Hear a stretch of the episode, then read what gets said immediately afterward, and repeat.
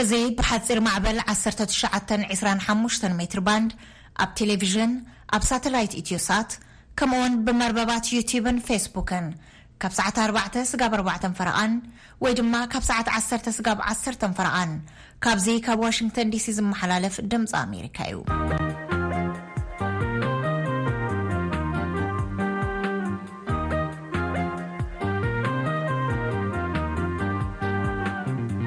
እዚ ኣብ ፍሉይ ጉዳያት ኣተኪሩ ዝዳሎ መደብ ቀዳመ ሰንበት እዩ ሰላም ከመይ ተምስዩ ክብራት ሰማዕትና ሎሚ ሰንበት ዕስራን ሓሙሽተን ለካቲት ክልተ ሽሕን ዕስራን ኣርባዕተን ወይ ድማ ዓሰርተ ሸውዓተ ለካቲት ክልተ ሽሕን ዓሰርተ ሽዱሽተን እዩ። ኣብ ናይ ሎሚ ሰንበት ፈነወና ክልተ ርእሰ ጉዳያት ክህልውና እዮም። ክሳብ ፍጻመ መደብና ምሳና ክጸንሑ ዝዕድመኩም ሳራ ፍሳየ እየ። ንኣርቲፊሻላዊ ኢንተልጀንሲ ወይ ድማ ኤኣይ ኣስተብሎት ማሽን ሰብ ሰራሕ ምስትውዓል ወይ ድማ ኣርቲፊሻላዊ ብልሒ ብዝብል ይፅዋዕ ብዛዕባ ኣርቲፊሻላዊ ብልሕን ቋንቋ ትግርኛን ክልተ ናይ ቴክኖሎጂ ክኢላታት ዓዲምና ኣለና። ገብረክርስቶስ ገብረስላሰ ካብ ኣምስተርዳም ኔዘርላንድስ ኮይኑ ኣብ ዓውዲ ኣርቲፊሻላዊ ብልሒ ወይ ድማ ኤኣይ ብዝበለጸ ድማ ኣብ ምስትምሃር ማሽን ኣብ ምስራሕ ይርከብ። ክፍላይ ተወልደ ብርሃን ካብ ለንደን ዓዲ እንግሊዝ መሃንዲስ ሶፍትዌር እዩ። ምስ ብጾቱ ቋንቋ ትግርኛ ኣብ ጉግል ምእታው ዝሰርሐ እዩ። ቋንቋ ትግርኛ ኣብ ኣርቲፊሻላዊ ብልሒ ንምጥቃም ዘሎ ድሩትነት፣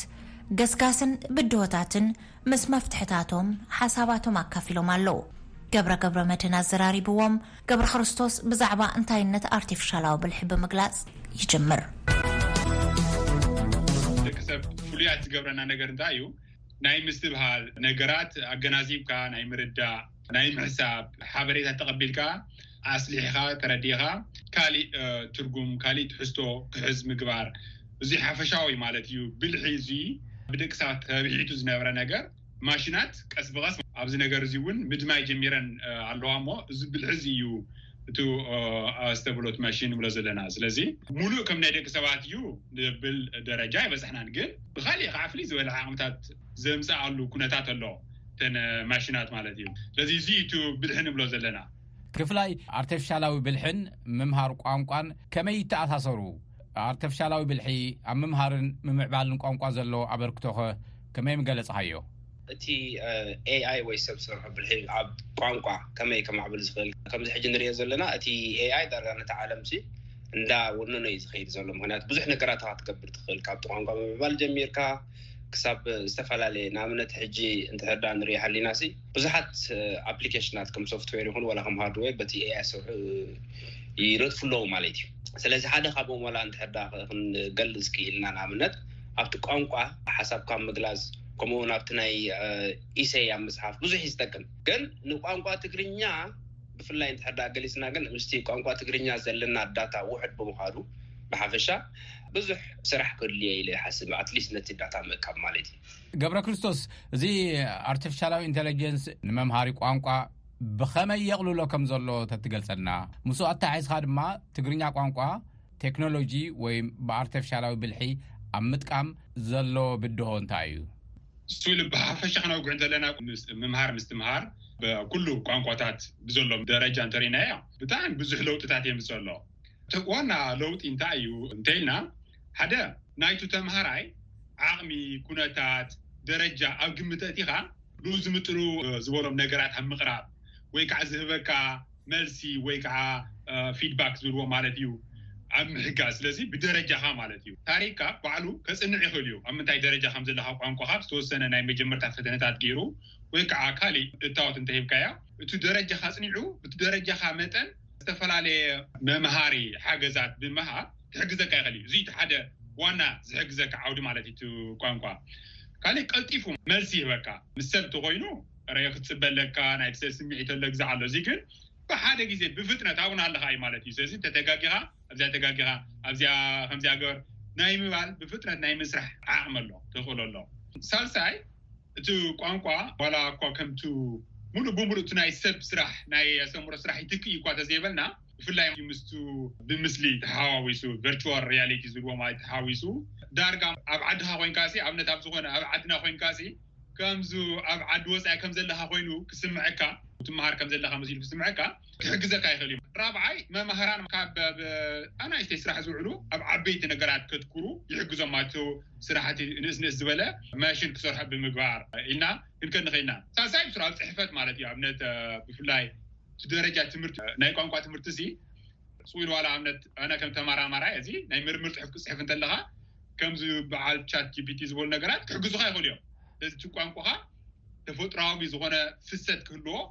ዋሕዚ ክህልዎ ብጣዕሚ ኣብ ብዙሕ ብርኪ እዩ ክሕግዘካ ዝኽእል እቲ ቋንቋ። እቲ ዋና ነገር ግን እንታይ እዩ ዓቕምኻን ደረጃኻን ተረዲኡ መልሲ ናይ ምሃብ ተኽእሎ ስለ ዘለዎ ዓብዪ ሓገዝ ክኾን ይኽእል እዩ ማለት እዩ። ኣብ ቋንቋ ትግርኛ እዚ ዕድል እዚ ኣለና ዶ እንተኢልና የብልናን ኢና። ኣብነት ቻት ጂፒቲ እንድሕር ብትግርኛ ዝኾነ ፀሓፍለይ እንተኢልካዮ ዝተወሰነ ፈተነታት እኳ ኣነ ለጣጢፈ እፈልጥ ብዛዕባ እዚ ማለት እዩ ትርጉም ዘለዎ ስራሕ የለን ዋና ጸገሙ እንታይ እዩ እንተይልና ብትግርኛ ዝተጻሓፈ እኹል ዝኾነ ጽሑፋት ስለ ዘየለ ኣብቲ ኢንተርኔት ምክንያቱ እቲ ከም ቻት ጂፒቲ ዋላ ካልእ ቴክኖሎጂ እውን ኣብ ኢንተርኔት ዘሎ ኣብ ቅሉዕ ባይታ ዘሎ መረዳእታታት ኣኪቦም እዮም ስራሕ ዝሰርሑ ዘለዎ ማለት ስለዚ እኹል ዝኾነ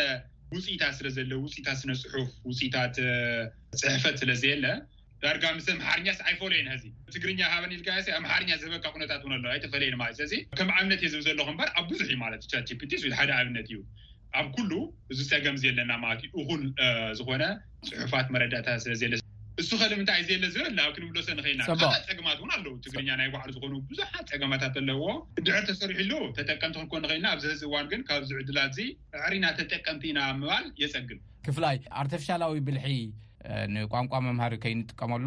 ዘሎ ፈተና እንታይ እዩ? ብሓፈሻ እቲ ኣርቲፊሻል ኢንተሊጀንስ፣ ሰብ ሰርሖ ብልሒ፣ ኣብ ቋንቋ ጥራይ ዘይኮነ ኣብ ብዙሕ ነገራት እዩ ዝሕግዘካ። ማለት ንኣብነት ከም ቻት ጂፒቲ እንተወሲድና እቲ ዘለዎ ዳታ ርኢኻ ብጣዕሚ ሰፊሕ ስለ ዝኾነ ከም መምህር ኮይኑ ምሻሎ ትሓቶ ምልሰልካ ትሓቶ ምልሰልካ ክእል እዩ ማለት እዩ። ምክንያቱ እሱ ዘለዎ ዳታ ወይ እቲ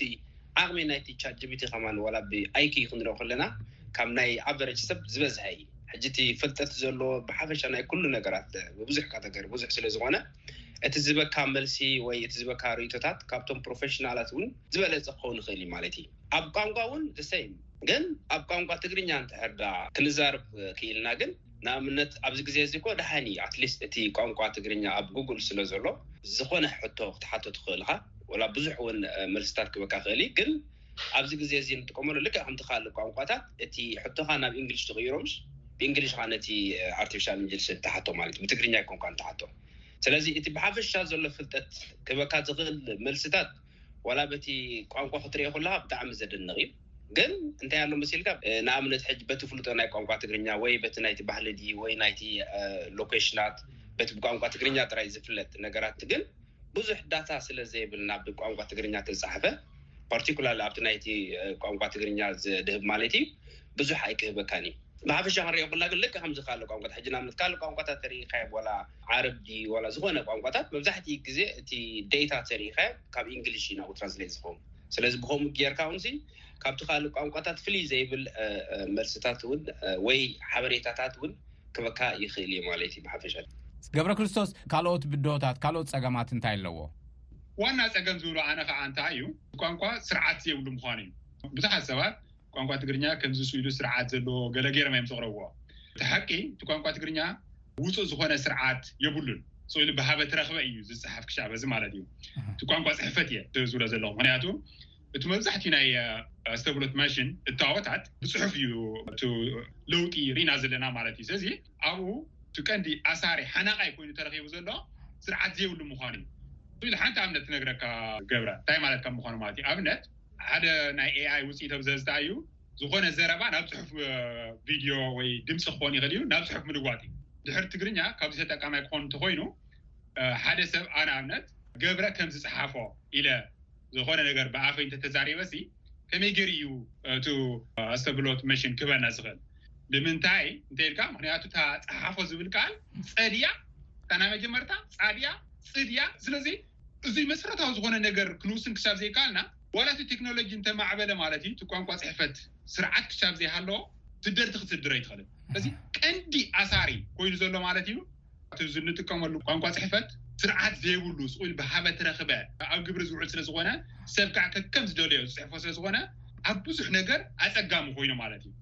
እዚ ካብ ዋላ ካብ ፊደላት ምውሳን እዩ ዝጅምር። ኣብነት ኪቦርድ ክህልወና ኣይኸልን ምክንያቱ ፊደላት ትግርኛ ክደይ ምዃኖም እኳስ ማንም ሰብ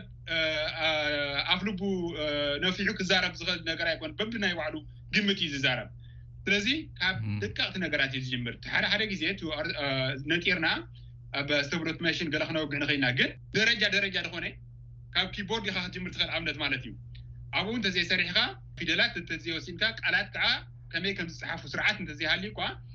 ናይቲ ካሊእ ነገር እውን ተረባሓይ ክትኮነ ይትኽእለን ኢኻ ክፍላይ እቲ ናይ መዝገበ ቃላት ትግርኛ ዓንቶ ዝገለፅካዮ እቲ ኣፕ ዝኾነ ሕቶ ሓቲትካ መልሲ ክበካ ከሎ መስቲ ሕዚ ገብረ ክርስቶስ እውን ይዛረቦ ዘሎ ኣብ ትግርኛ ዘሎ ብድሆ ኣርቲፊሻላዊ ብልሒ ንምጥቃም ዘሎ ብድሆ ኣተኣሲርካ እንታይ ኢካ ብዙሕ ግዜ ኣብኡ ዝረአይ ፀገማት ኢልካ ትሪዮ ንኣብነት ገለ ፅሒፍካ ዝህበካ መልሲ እቲ ማሽን ወይ እቲ ኣፕ ዝህበካ መልሲ እንታይ ኣሎ ምስ ኢልካ እዚ ገብረ ክርስቶስ ክብሎ ዝፀንሐ ብሓፈሻ እቲ ዓብይ ሽግር ዝነበረናዩ ዋላ እዚ ዓብዩ እቲ ትግርኛ ኣብ ጉጉል ክኣቱ ከሎ በቲ ኮሚኒቲ ብቋንቋ ትግርኛ ተዛራባይ እንድዩ ኣትዩ ሕጂ እቲ ስርዓት ዘይምህላዉ እቲ ሰብ ምሻሎ በብቲ ዝመስሎ እዩ ዝኣቱ ነይሩ ስለዚ እቲ ስርዓት ዘይምህላዉ ኣብ ቦትኡ እዩ ዘሎ ማለት እዩ ጽልዋ ኣለዎ ግን እንታይ ዳ ክንብል ንኽእል ምክንያቱስ ብኮሚኒቲ እዩ ተሰሪሑ ንስኻ ደስ በለካ ዘእቱ ኣነ ደስ በለኒ እቱ ተረዲካ እንታይ ዳ ግን ኣሎ ኣትሊስት እቲ ኣብቲ ጉግል ክኣቱ ከሎ እቲ ቋንቋ ማለት እዩ እቲ ኤኣይ ንባዕሉ ደሓን ይምሻሉ ምክንያቱ እቲ ኤኣይ ክመርዝ ከሎ ብሓፈሻ ሕጂ ንኣምለሰይ ዓሰርተ ንሓንቲ እንድሕር ኣተርጒሞማ እንድሕር ድኣ እቶም ትሽዓተ ዝሰይም ኢሎም ወይ ሸሞንተ ዝሰይም ኢሎም ንዓይ ስለዚ እቲ ኣብ ጉግል ትራንስሌት ዘሎ ብጣዕሚ ጽቡቕ እኳ ተዘይኮነ ግን ዝተማጣጠነ እዩ ማለት እቲ ጌጋ ግን ኣብ ቦትኡ ግን እንታይ ኣሎ መሲልካ ብዓብዪ ከኣ ሕጂ ብፍላይ እንድሕር ድኣ ኣብቲ AI ንዛረብ ሃሊና እቲ ዴታ ዘለና ናይ ቋንቋ ትግርኛ ብጣዕሚ ውሑድ እዩ ስለዚ ውሑድ ብምዃኑ ግን ንኹሉ ግዜ እቲ AI ኣብቲ ዘለዎ ዳታ እዩ ዝምርኮስ ብዙሕ ዳታ ተልይዎ እቲ ኣኩረሲ ዝበካ መልሲ ንጹር ክኸውን ይኽእል እዩ። ውሑድ እንተኾይኑ ግን ብኡ መጠን ካብተን ዘለወኦን መሪጹ ይህበካ። ስለዚ እቲ ዓቢ ሽግር እዚ እኹል ዳታ ዘይምህላው እዩ። እዚ እውን ብዙሕ ነገራት ዝምልየና ከም ንኣብነት ሕጂ ብሓፈሻ ኣብቲ ኢንተርነት ብቋንቋ ትግርኛ እተጻሓፈ ጽሑፋት ምእታው ከምኡ እውን ኦረዲ ሕጂ ንኣብነት ኣብዚ ናይ ዊኪፒድያ ኣለና ብዙሕ ኣርቲክልስ ካብ ብቋንቋ ኢንግሊሽ ክሳብ ክልተ ሚልዮን ዝኾኑ ኣርቲክልስ ኣሎ። ብዙሕ ግዜ እውን ንዕኡ እንድሕር ናብ ቋንቋ ትግርኛ ትራንስሌት ክትገብሮ ክኢልካ ብቋንቋ ትግርኛ ስለዝኸውን ከም ዳታ ብጣዕሚ ሓጋዚ እዩ ማለት እዩ ነቲ AI ብሓፈሻ ዋላ ነቲ ካልእ ዘሎ ቴክኖሎጂ ኣብቲ ዲጂታል ማለት እዩ።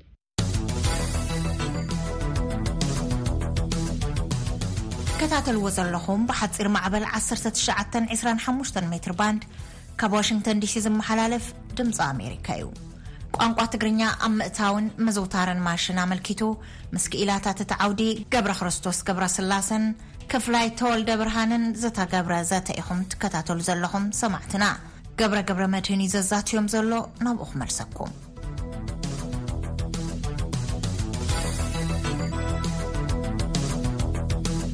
ገብረ ክርስቶስ ቋንቋ ትግርኛ ኣብ ክልቲኡ ትግራይን ኤርትራን ከም ዝዝረብ ቋንቋ ከምዚ ብኣርተፍሻላዊ ብልሒ መምሃሪ ቋንቋ ገይርካ ንምትእትታው ምስቲ ዘሎ ላህጃታት ዳያሌክት ኣብ ግምት ክኣትዉ ዘለዎም ትብሎም እንታይ እዮም እንታይ ግበር ኣሎ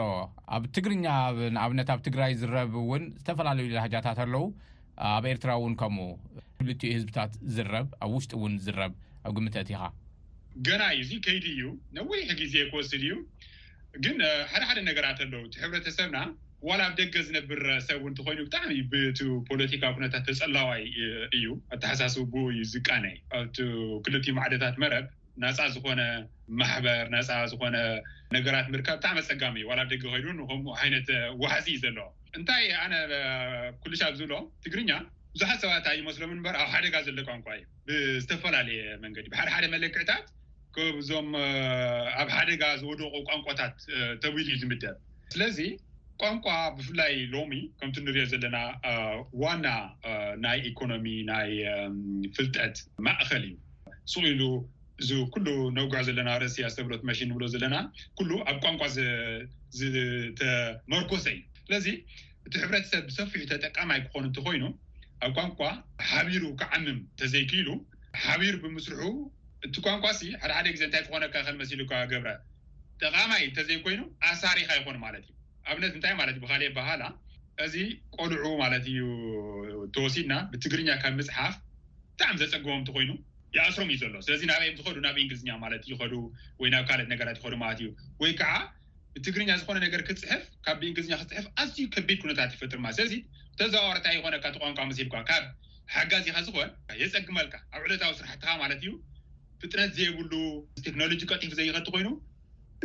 ሰለጤን ይቕንስ ስለዚ ኣብ ኢኮኖሚያዊ ማሕበራዊ ሂወትካ ጸገም ይፈጥረልካ እዩ እዚ ነገር ብምርዳእ ኣና ኣብ ክልቲኡ ማዕዶታት ዘሎ ሕብረተሰብ እቲ ቋንቋ ምዕባይ ሓቢሩ ክሰርሕ እዚ እቲ ዋና መእሰሪ ሓቢሩ ክሰርሕ ክኽእል ኣለዎ። ሓቢሩ ስርዓት ኣብ ምትካል፣ ምርምር ኣብ ምክያድ፣ ሓቢሩ ቴክኖሎጂ ኣብ ምምዕባል ተዘይሰሪሑ ብቲ ኸዚ ዝንርእዮ መንፈስ ጽቡቕ መንፈስ ኣይኮነን። ኣነ ብዙሕ ሕማቕ መንፈሳት እየ ዝርኢ ሓቂ ክዛረብ ተኾይነ ማለት እዩ። እቲ ቋንቋ ባዕሉ ስቕ ኢሉ ኣናእሽተይ ይንሕንሕ። ቋንቋ ትግርኛ ብዙሕ ተዛራባይ ማለት ቀሊል ኣይኮነን ኣብ ከባቢ ዓሰርተ ሓደ ናብ ዓሰርተ ክልተ ሚልዮን ዋላ ክኾን ይኽእል እዩ ድሕር ሓቢሩ ሰሪሑ ሲ እቲ ቋንቋ ናብ ዝኾነ ዓብዪ ብርኪ ከብፅሖ ይኽእል እዩ ማለት እዩ ግን ሱቕ ኢሉ ዝጓዓዝ ነገር ኣይኮነን እዚ ኣብ ከባቢ ትግራይ እንታይ ፀገም ኣሎ ኣብ ትግራይ ብዙሕ ተዛራባይ ኣለዎ እቲ ቋንቋ ግን እንታይ ፀገም ኣሎ ህዚ ኣብ ትግራይ እንተሪኢኻ ኣብ ቋንቋ ሲ ብዙሕ ትወፍረሉ ትሰርሐሉ ትዓመሉ ነገር ገይሮም ኣይሪእዎን ስ ኢሉ ባዕሉ ዝጓዓዝ ነገር እዩ እቲ ዘሎ ሻባ ዘመለኻኸታ ግን ቋንቋ ብትክክል ማለት እዩ ትሰርሐሉ፣ ትደክመሉ፣ ትዓመሉ፣ ሃፍቲ ተፍስሰሉ ካብኡ ተመሊሱ መፂኡስ ከዓ እንታይ ይኮነካ ሓጋዚ ይኮነካ ኣብ ዕለታዊ ንጥፈታትካ ሰለጤን ይፈጥረልካ ኢኮኖሚያዊ ጥቅምታት የምፀልካ ምክንያቱ ምፅሓፍ እኮ ብተዘዋዋሪ እንታይ ማለት እዩ ኣብ ሓደ ሰዓት ክትፅሕፎ ትክእል ስራሕ ክልተ ሰዓት ሰለስተ ሰዓት ተወሲድካ ገንዘብ ማለት እኮ ብተዘዋዋሪ ስለዚ ኣውፊርካ ናይ ብዙሓት ሰባት ሂወት ክተቕልሎ እንተለኻ ግን ኢኮኖሚያዊ ጥቕሚ ኣለዎ እሞ ኣነ እንታይ እዮ እቲ ዋና መእሰሪ ዝመስለኒ መጀመርታ ዓበይቲ መእሰርታት ክንሕዝ ክንክል ኣለና እቲ ዓበይቲ መእሰርታት እንታይ እዩ ስርዓተ ፅሕፈት የድልየና እዙይ ከዓ ሓቢርካ ዝስራሕ ነገር እዩ ካብ ድሕሪኡ ቀፂሉ ከዓ እንታይ ማለት እዩ ኣብ ሕብረተሰብ ስኢሉ ኣጉል ዝኾነ ናይና እዩ ፅሩይ ትግርኛ ከምዚ ዓይነት እዩ እዚባ ተጋጊኹንኩም እዚ ስኢሉ ኣናእሽተይ ነገር እዩ እቲ ዓብዪ ስእሊ ክንርኢ ክንክእል ኣለና ዝብል እምነት ኣለኒ ካብ ድሕሪኡ ድሓር እቱ ዛግዛግ ዛዕምዛዕ ንብሎ ዘለና እንታይ እዩ ዝመፅእ ከከም ውፅኢቱ እዩ እንታይ ከመይ ማለት እዩ ከምቲ ዓንቶ ንብሎ ዝነበርና ብዙሕ ሰብ ዝኾነ ላዛ እንድሕር ዝፅሕፈ ኣሎ ኮይኑ እቱ ዝተብሎት መሽን እውን ንሱ ወሲዱ እዩ ዘንፀባርቕ ማለት እዩ ስለዚ እቲ ዕለታዊ ህይወትና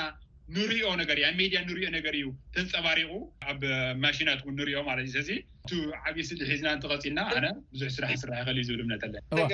ጽቡቅ ማለት እቲ ናይቲ ቋንቋ ትግርኛ ምዕባለ ብክልተ ነገራት ክንሪኦ ንክእል። ሕጂ ንኣብነት ከም ቋንቋ ኣብ ምጽሓፍ ኣብ ምዝራብ እንተ ኢልና ምሻሉ ብዙሕ ሕግታት ከድልዮ ይክእል ኢዩ ኢለ ይሓስብ። ኣብቲ ናይ ቋንቋ ናይ ቴክኖሎጂ እንተ ኢልና ግን ካብ ዝገርመካ ቋንቋ ትግርኛ ማለት ኣብቲ ዝበለጸ ደረጃ ኢዩ ዘሎ ኣብዚ ግዜ እዚ ብኣብቲ ናይ ቴክኖሎጂ ክንሪኦ እንተ ኪኢልና ማለት ኢዩ። ምክንያቱስ ዋላ ንሕና ብዙሕ ግዜ ምስቶም ናይ ጉጉል ንዛራረብ ኔርና ተረዲእካ እቲ ኮሚኒቲ ዝገበሮ እቲ ስራሕ እቲ ውጽኢት ኣብቲ ናይ ዲጂታል ሞታው ብጣዕሚ ዝድነቕ እዩ። እዚ እውን ክቕፀል ዘለዎ ጉዳይ ማለት ንኣብነት ብኸመይ ክቕፀል ይኽእል እንተይልናኻ ብብዙሕ ነገራት ክቕፀል ይኽእል ንኣብነት ሕጂ ቋንቋ ትግርኛ እንተሪኢኻ ብኦድዮ ሓቲትካዮ ኣይርዳኣካን እዩ ወይ ሕጂ ንኣብነት ብፍረንች እንድሕር ብኦድዮ ተዛሪብካዮ ነግረካ እዩ ቋንቋ ትግርኛ ግን ከምኡ ዓይነት ሳ የብሉን ዋይ እንተይልና ኣብ ናይ በዓል ጉግል ከምዚ ጉግል ክራውድ ሶርስ ዝበሃል ኣሎ ናይ ኮሚኒቲ ስራሕ ሰለዚ ብብዙሕ ነገራት ብኦድዮ ክትመልእ ክትክእል ኣለካ ኣብኡ ማለት እዩ ከምኡ ዓይነት ኣጎልጉሎት ክትረክብ ከምዚ ዓንተቦ ዝበልኩኻ ከኣ ኣብቲ ናይ ጉጉል ትራንስለይት ውን እቲ ዘሎ ሕጂ ሓቂ ዘረባ እቲ ኣተራጓጉማ ኣብ ዝበለጸ እንድዩ ዘሎ ግን ብዙሕ ካብቲ ኮሚኒቲ ኣብ ምውሳእ የድሊ ምክንያቱ ነቲ ዝበለጸ ስራሕ ምርካብ ማለት እዩ ካልኣይ ሳልሰይቲ ከኣ ከምዛ ዝበልኩኻ ኣብቲ ናይ ዊኪፔድያ ውን ሰለዚ እንድሕር ደኣ እቲ ሰብ ወላ ራብዐይቲ ከማን እንታይ ክንሓስብ ንክእል እቲ ሰብ እንድሕር ደኣ ብዙሕ ኣብቲ ንኣብነት ሕጂ ዌብሳይታት ብቋንቋ ትግርኛ ትሰርሕ ወይ ዝኾነ ኣፕሊኬሽናት ብቋንቋ ትግርኛ ትሰርሕ እንተርድኣ ኣብቲ ቴክኖሎጂ ዘሎ ብቋንቋ ትግርኛ ክንሰርሕ እንተርድኣ ክኢልና ኣብቲ ናይ ቴክኖሎጂ ዕድላት ከም ተዛረብቲ ቋንቋ ትግርኛ ኣብ ዝተመጣጠነ ቦታ ክንርከብ ንኽእል ኢና ማለት እዩ ንኣብነት ሕጂ ወላ ከም ኤኣይ ክንዛረብ እንተኮይና ኣብዚ ግዜ እዚ ኤኣይ ኣብ ብዙሓት ኣፕሊኬሽናት ሶፍትዌር ኣፕሊኬሽንስ ኣሎ ንኣብነት ካንቫ ዝበሃል ዓብይ ናይ ኤኣይ ኣፕሊኬሽን ኣሎ ንዲዛይን ናይ ዝኾነ ፖስትስ ወይ ናይ ቪድዮ ኤዲት እንትገብረሉ ቋንቋ ትግርኛ ከም ቋንቋ ኣብ ካንቫ ይርከብ እዚ ሕጂ ዋላ ክሕሰብ ዘይከኣል ጉዳይ እዩ ነይሩ ተረዲእካ ሕጂ ግን ብዝተኻለ መጠን ኣብቲ ናይ ቴክኖሎጂ ዘሎ ሰብ እንድሕር ዳ ኣዋፅኦ ገይሩ እቲ ቋንቋ ትግርኛ ናብ ዝበለጸ መንገዲ ክመርሕ ይኽእል፣ እቲ ተዛራባይ ቋንቋ ትግርኛ ከኣ ተረባሒ ናይቲ ዘሎ ናይ ኤኣይ ግዜ ክኸውን ይኽእል ማለት እዩ። ክልተ ዝተረሓሓቑ እዩ ክልተ ጫፋት እንድዩ ትግርኛ ፅቡቕ ኣሎ ይምዕበለ ኣሎ ብቴክኖሎጂ እውን ከምዚ ክፍላይ እውን ትብሎ ዝነበርካ ገብረ ክርስቶስ ድማ ዝሰኸፍታ ኣለዎ ከምዚ መስለኒ ማለት በቲ ዓይነት ቴክኖሎጂ ክንሪኦ እተኮይና ኣነ ዝበለጸ ጉዳይ ኣብ ዝበለጸ ኣሎ ኢለ እየ ዝሓስቦ ማለት ብዙሕ ዋላ ጭብጥታት እውን ኣለና ከም ዝበልኩኻ ካብቶም ናይ ስታይ ዝረከብ ናይ ኣብቲ ቋንቋ ከም ቋንቋ ኣብ ምጽሓፍ ኣብ ከም ዝበሎ ኣብ ሕግታት ግን ብዙሕ ዳርጋ ዘሎ ኮይኑ ኣይስምዓንን። ጽቡቅ ርእሱ ክኢሉ እዚ ከዘራርብ ዝክእል እዩ ንሓዋሩ እውን ግን ክፍላይ ኣብኡ እናሃለኻ እዚ ናይ ላህጃ ና ላዛ ኣፈላላይ ከመይ ይጸልዎ ይመስለካ? ማለት ቤሉሲ እዚ እቲ ላሃጃ ብፍላይ ሕጂ ኣብቲ ቴክኖሎጂ ክንዛረብ እንተኾይና እንደገና ምስቲ ናይ ቋንቋ ትግርኛ ዘሎ ድኽመት ዋላ ኣብቲ ዝተሓተ እዩ ዘሎ ማለት ከምዚ ገብረ ክርስቶስ ዝበሎ ብዙሕ ነገራት ካብኡ ዝበልፀ ክስራሕ ዝግበረሉ ኣሎ እቲ ላሃጃ ከዓ በቲ ናይ ዓይኒ ኣይቲ ክንሪኦ እንተኾይና ከዓ ልክዕ ከም ዝበልኩ ሕጂ ንኣብነት ንሓንቲ ካብቶም ዓሰርተ ሰባት ሸሞንተ እንድሕር ዳኣ ብዚ ሰም ላሃጃ ኣትዮማ እቲኦም ክልተ እንድሕር ዳኣ ብዲፈረንት ላሃጃ ኣትዮማ እቲ AI እቲ ዝበለጸ እዩ ዝመርጽ። ገብረክርስቶስ ኣብዚ ትህቦ ርእይቶ። ኣነ እንታይ ምበልኩ እዚ እዚ ክፍላይ እንታይ ኣብ ምትርጓም ትኹረት ገይሩ እዩ ርእይቶ ይህብ ኣሎ። ኣነ ናይዚ ነውግዖ ዘለና ዛዕባ ሓንቲ ንእሽተይ ግዛዕ እያ እታ ምትርጓም ንሳ እውን ባዕሎም እቶም ወነንቲ እቲ ቋንቋ ኣይኮኑን ዝሰርሕዋ ዘለዉ እቶ ዝተሰርሐ ስራሕ እንተሃልዩ እንታይ እዩ ኣነ እውን ኣብኡ ተሳቲፈ እንድየ እንታይ እዩ ጽሑፋት ምብርካት እዩ። እዚ ከኣ ብስሩዕ ብኸምኡ ኣይኮና ክንሓስብ ዘለና። ዋና ክኾን ዘለዎ እንታይ እዩ? ወነንቲ እቲ ዴታ ባዕልትና ዲና? ምርምር ንሰርሕ ዘለና ባዕልትና ዲና? እቲ ዋና ነገር እዚ እዩ። ሓደ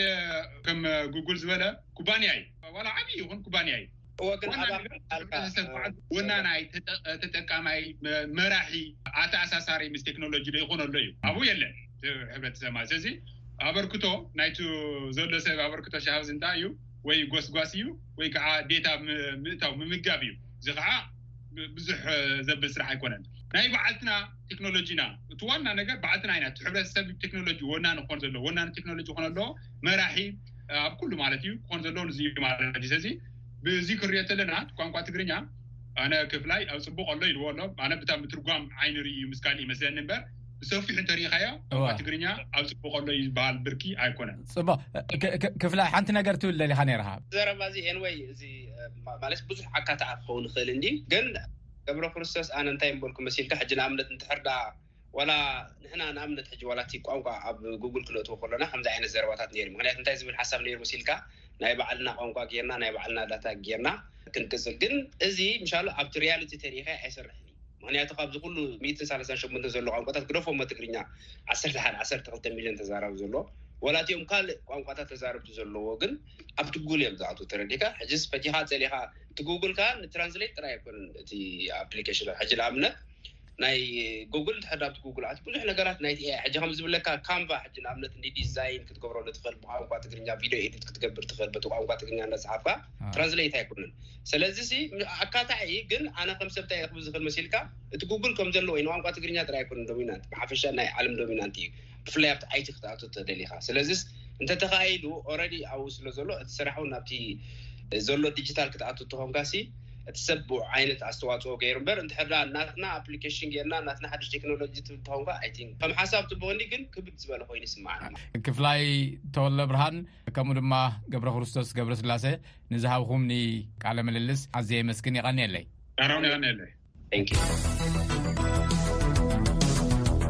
ንኣርቲፊሻላዊ ብልሒን ቋንቋ ትግርኛን ብዛዕባ ዝምልከት ንክልተ ክኢላታት እቲ ዓውዲ ብምዕዳም ዝተገብረ ዘተ ኢኹም ክትከታተሉ ፀኒሕኩም ንኣጋይሽና እናመስገና ቐጺልና እምበኣር ናብቲ ዝተረፈ ትሕዝቶና ክመርሓኩም። ሮይተርስ ልዕሊ ሰላሳ ሰበ ስልጣን ፌደራልን ከባብን ከምኡ'ውን ደያኑን ጠበቓታትን እንተላይ ብሰበ ስልጣን ዝተበደሉ ግዳያት ኣዘራሪቡን ፈትሹን እዩ ነቲ ጸብጻብ ኣውጺእዎ ዘሎ። ካብ ሰበ ስልጣንን ኣብያተ ፍርድን ዝረኸቦ ሰነዳት'ውን ኣብቲ መጽናዕቱ ኣካቲቱ ኣሎ።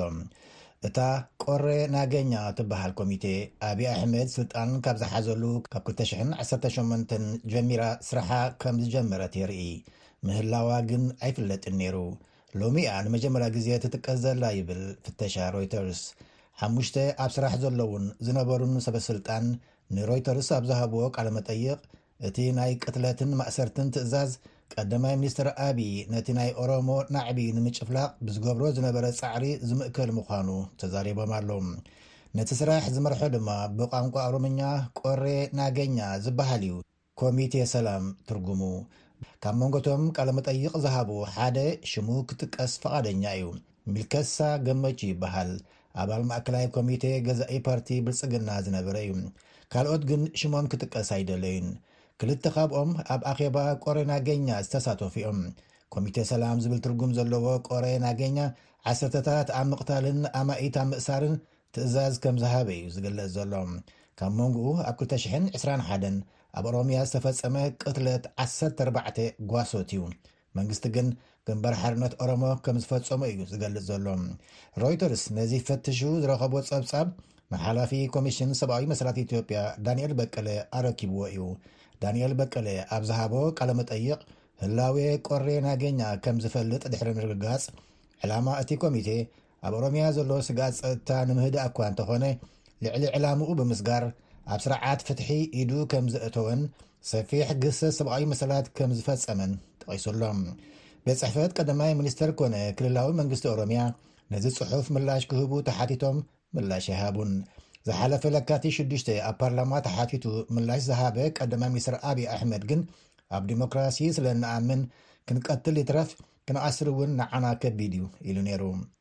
ብመሰረት ሓበሬታ እቶም ንሮይተርስ ዝተዛረቡ ሰበስልጣን፣ እቲ ቆሬ ናገኛ ዝበሃል ሚስጢራዊ ኮሚቴ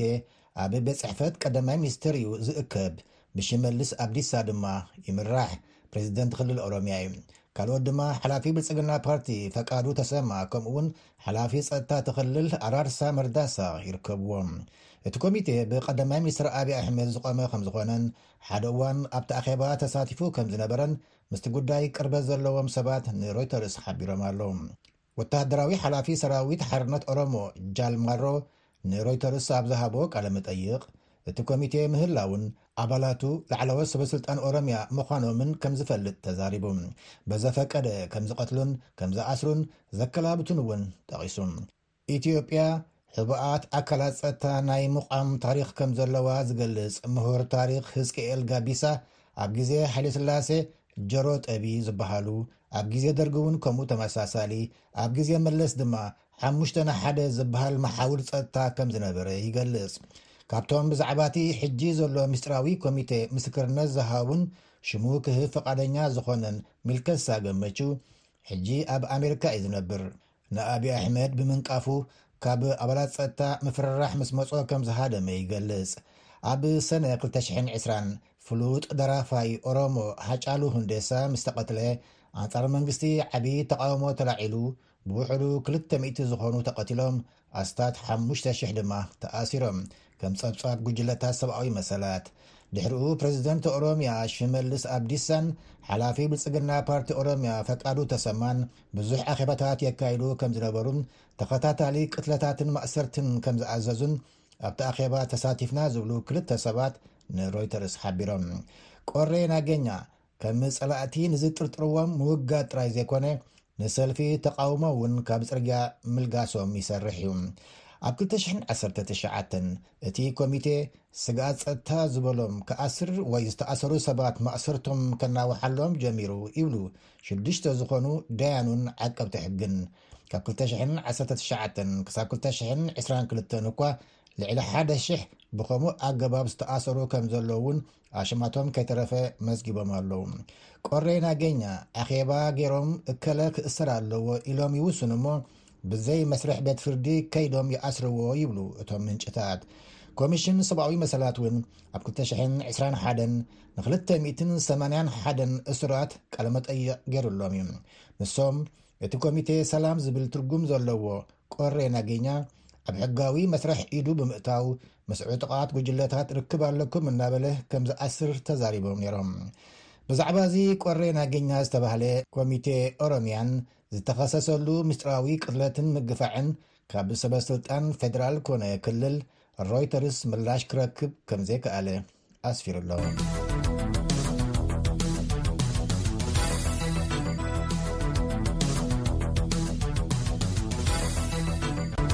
በዚ እምበኣር ናይ ሎሚ ሰንበት ትሕዝቶና ወዲእና ኣለና ምሳና ብምጽናሕኩም እናመስገና ጽባሕ ሶኒ ብካልእ ትሕዝቶ ክሳብ ንራኸብ ምሳኹም ዘምሰኹ ሳራ ፍስሃየ እየ ብሩኽ ምሸት ደሓን ሕደሩ